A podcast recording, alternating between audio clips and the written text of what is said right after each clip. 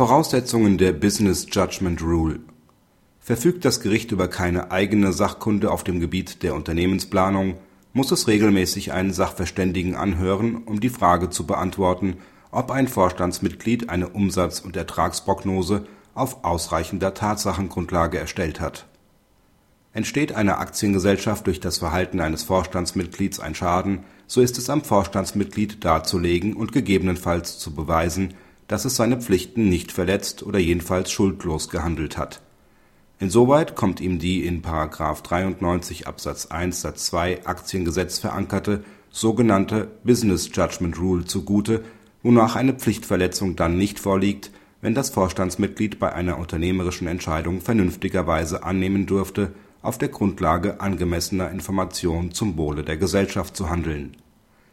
Der vorliegende Fall betrifft das Vorstandsmitglied einer Wirtschaftsprüfungsgesellschaft, das eine Umsatz und Ertragsprognose erstellt hatte die sich im Nachhinein als zu optimistisch herausstellte. Aufgrund dieser Prognose tätigte die Gesellschaft Investitionen und verlangt nun vom Vorstandsmitglied Ersatz des dadurch entstandenen Schadens.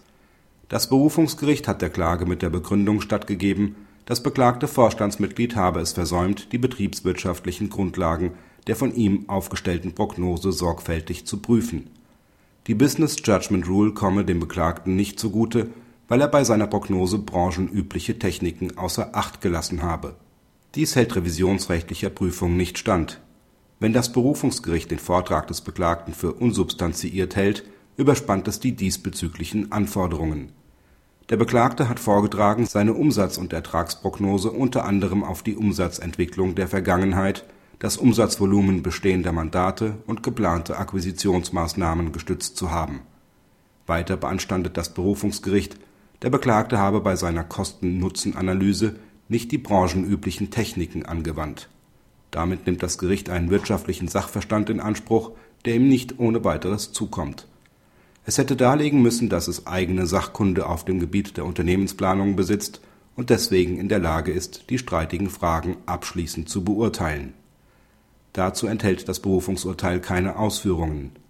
Der BGH hat den Rechtsstreit daher an das Berufungsgericht zurückverwiesen Praxishinweis Verschiedene Senate des BGH haben in der Vergangenheit immer wieder darauf hingewiesen, dass die Instanzgerichte zur Beweiserhebung verpflichtet sind, wenn sie nicht über ausreichende Sachkunde verfügen, Parteivorbringen fachspezifisch zu würdigen.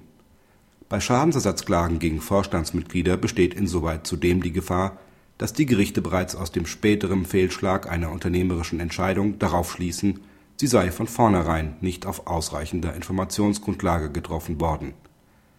Diese Versuchung ist aktuell besonders groß bei Verfahren im Zusammenhang mit Investitionen, die im Zuge der Finanzkrise verlustträchtig geworden sind